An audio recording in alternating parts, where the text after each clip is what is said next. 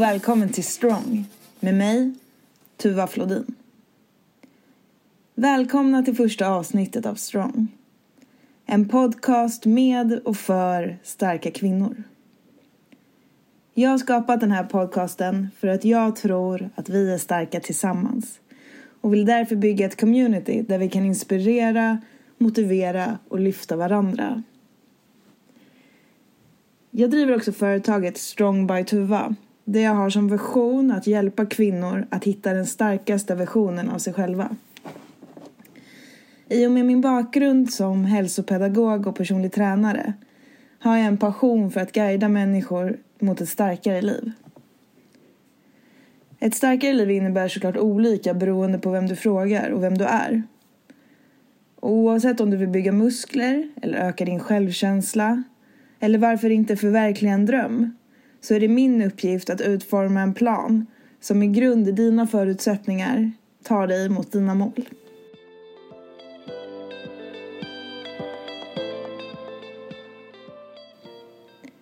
Innan jag startade Strong funderade jag mycket på vad jag ville göra med livet. Det var en period som var ganska tuff och jag hade precis avslutat ett stort mål och kände mig ganska vilse. Eh, det här ledde till ganska mycket nedstämdhet och jag kände att vad ska jag göra? Vad blir nästa steg? Något roligt som du brinner för som mina nära. Det var inte så himla lätt att komma på vad man tyckte var roligt. Jag hade jättesvårt att eh, säga något som jag faktiskt tyckte var kul. Något som jag gick igång på, något som jag kände att det här vill jag ta mig an och göra. Det här får jag lust av, det här får jag motivation av, det här brinner jag för. Jag började läsa en bok som jag hade hemma som heter Hur du motiverar dig själv när allt suger. Det är lite roligt att den fanns hemma för det är ju bara ett tecken på att jag har haft sådana här perioder tidigare.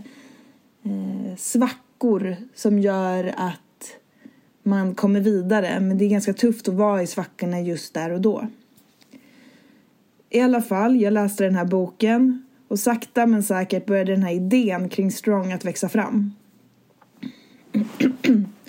nu efterhand så är det ju egentligen glasklart att jag ska jobba med att arbeta med att stärka andra kvinnor på ett eller annat sätt. Det genomsyrar hela mitt liv egentligen. Starka kvinnor alltså. Jag är uppväxt i en familj där kvinnor i generationer tillbaka har haft en stark position och jag har lyxen att vara en av tre syrror. Innan min bror föddes, en sladdis, så kallades vi Tjejligan. Och tack vare min mamma så har vi fått väldigt mycket utrymme att diskutera, analysera och eh, prata om olika situationer, händelser och andra livsfrågor. Ofta kopplade just till kvinnor och kvinnors position i samhället. En av de bästa sakerna jag vet det är att fika, dricka kaffe och göra det tillsammans med mina systrar. Vi kan sitta och prata i evigheter om saker och den stärkande gemenskapen som jag känner efter ett samtal med dem önskar jag att jag kunde få ge till er andra också. Det är en så otroligt fin gemenskap och känsla. Om ni skulle få ta del av den så skulle jag bli otroligt glad. Mitt intresse för kvinnor fortsatte under hela min studietid. Jag skrev ofta mina uppsatser om kvinnor. Eh, bland annat så skrev jag om hur unga tjejer upplever skolidrotten. Jag skrev om fysisk aktivitet under graviditet. Och jag har alltid haft en, en väldigt stark åsikt när det gäller hur eh, man ska få vara som kvinna. Och då handlar det om att man ska få vara precis som man vill. Jag tycker att man ska få vara där man är och att man ska få ta del av allt som finns här i livet oavsett vilket kön du har. Jag tror att det ligger mig jättenära hjärtat. För att jag själv känner att jag upplevt en del orättvisor i och med att jag är tjej.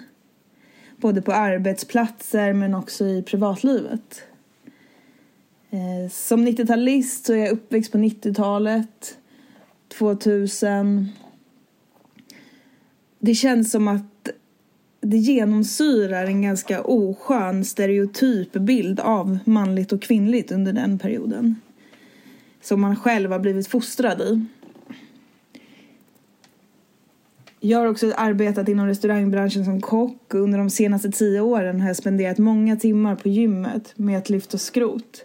Det är två mansdominerade arenor och det känns liksom som att man alltid måste vara lite på sin vakt. Som att man måste bevisa att man får ta plats. Man måste hela tiden prestera lite bättre för att få känna att man får vara där.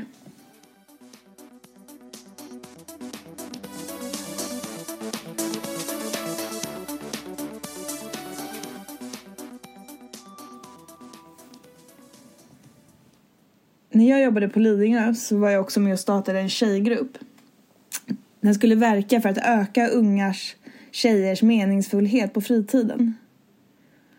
Det händer något speciellt när man samlar en grupp tjejer på en fritidsgård under en kväll och låter dem umgås helt utan killar. Plötsligt försvinner konkurrensen, atmosfären blir mer lättsam och gemenskapen, energin och styrkan som uppstår, den är så häftig. Om den gick att sälja på burk, då skulle jag vara rik idag. Så mäktigt är det verkligen.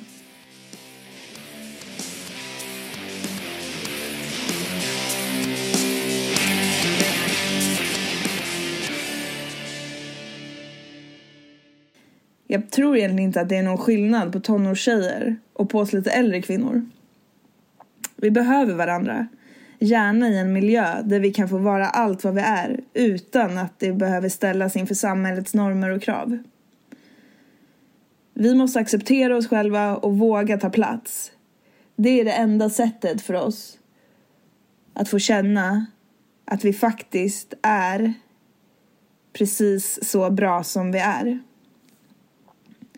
Jag tror också att vi måste skaffa oss mer kunskap om oss själva om den fysiska kroppen men också vårt inre och hur vi bäst tar hand om det.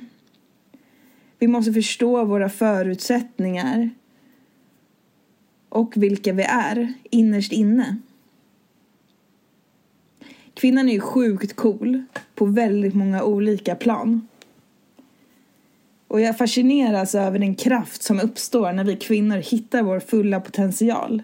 Gärna i sällskap med andra kvinnor. Det är därför jag har valt att skapa den här podcasten. Där tanken är att jag ska intervjua starka kvinnor som ska få berätta sina historier. Och så att ni kan få ta del av det, inspireras och motiveras och att vi tillsammans ska bli starkare.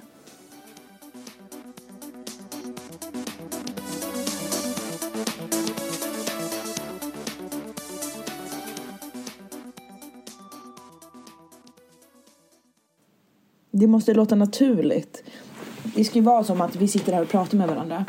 Så jag låtsas att, att ni sitter här då, framför mig. Så ska jag eh, berätta för er om mina tre frågor som jag kommer ställa mina gäster. För det är kul om jag börjar och svara på dem så att ni får veta var jag står eh, i frågorna.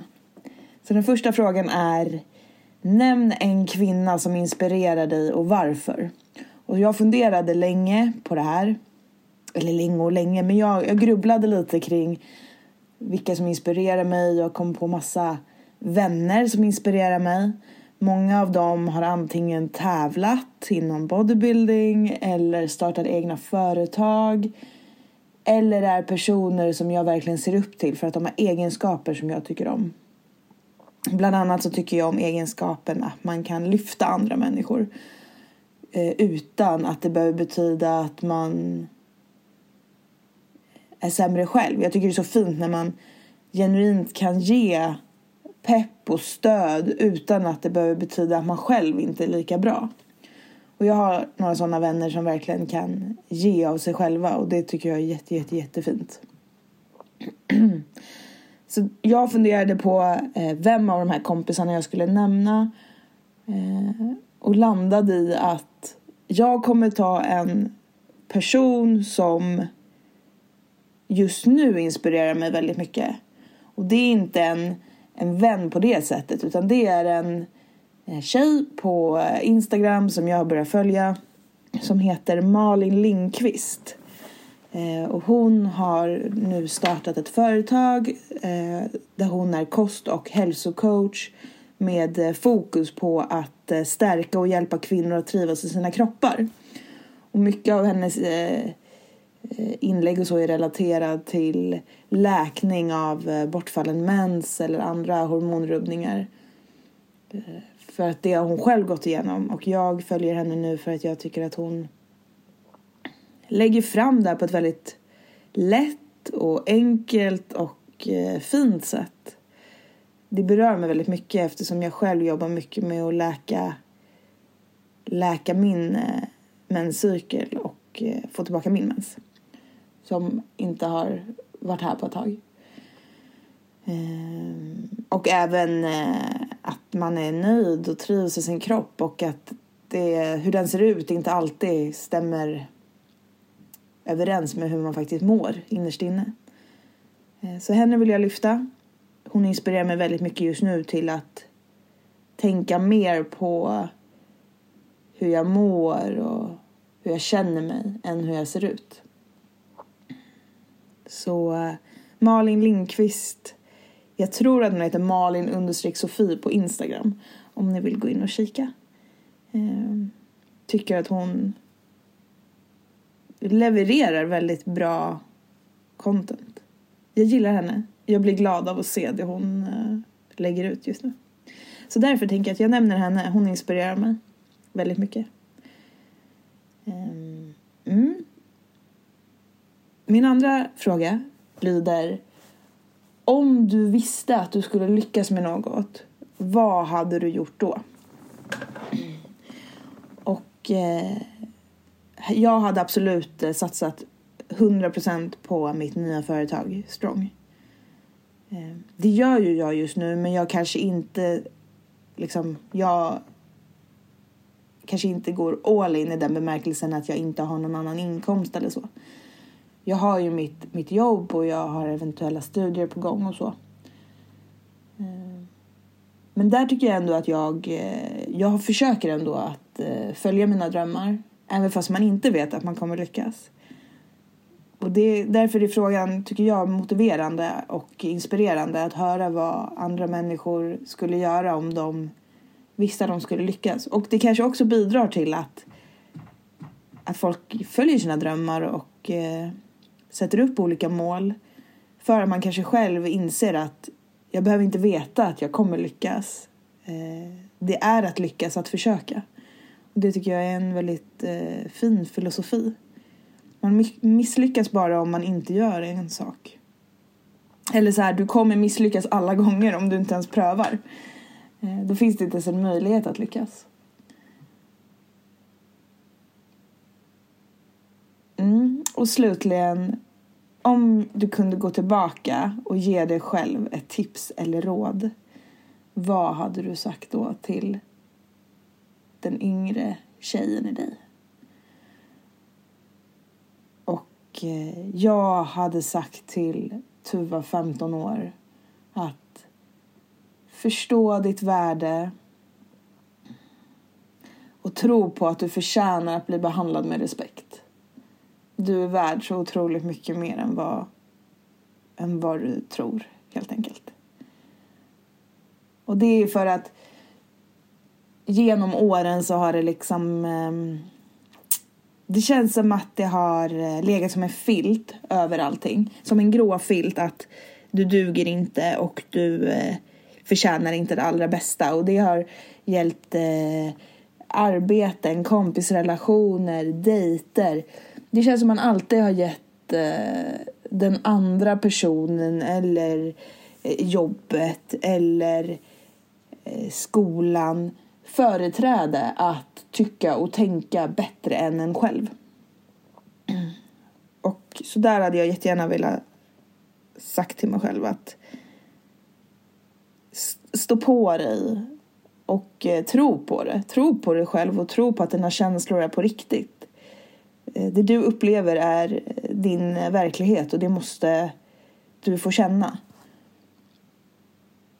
Tycker du att man ska behandla dig med respekt så förtjänar du också att bli behandlad med respekt. Jag tror att vi stannar där för nu. I mitt nästa avsnitt har jag min första intervjugäst och jag hoppas att ni kommer vilja lyssna på det. Gästen som jag har då är min absolut starkaste kvinna. Tills dess önskar jag dig en stark vecka.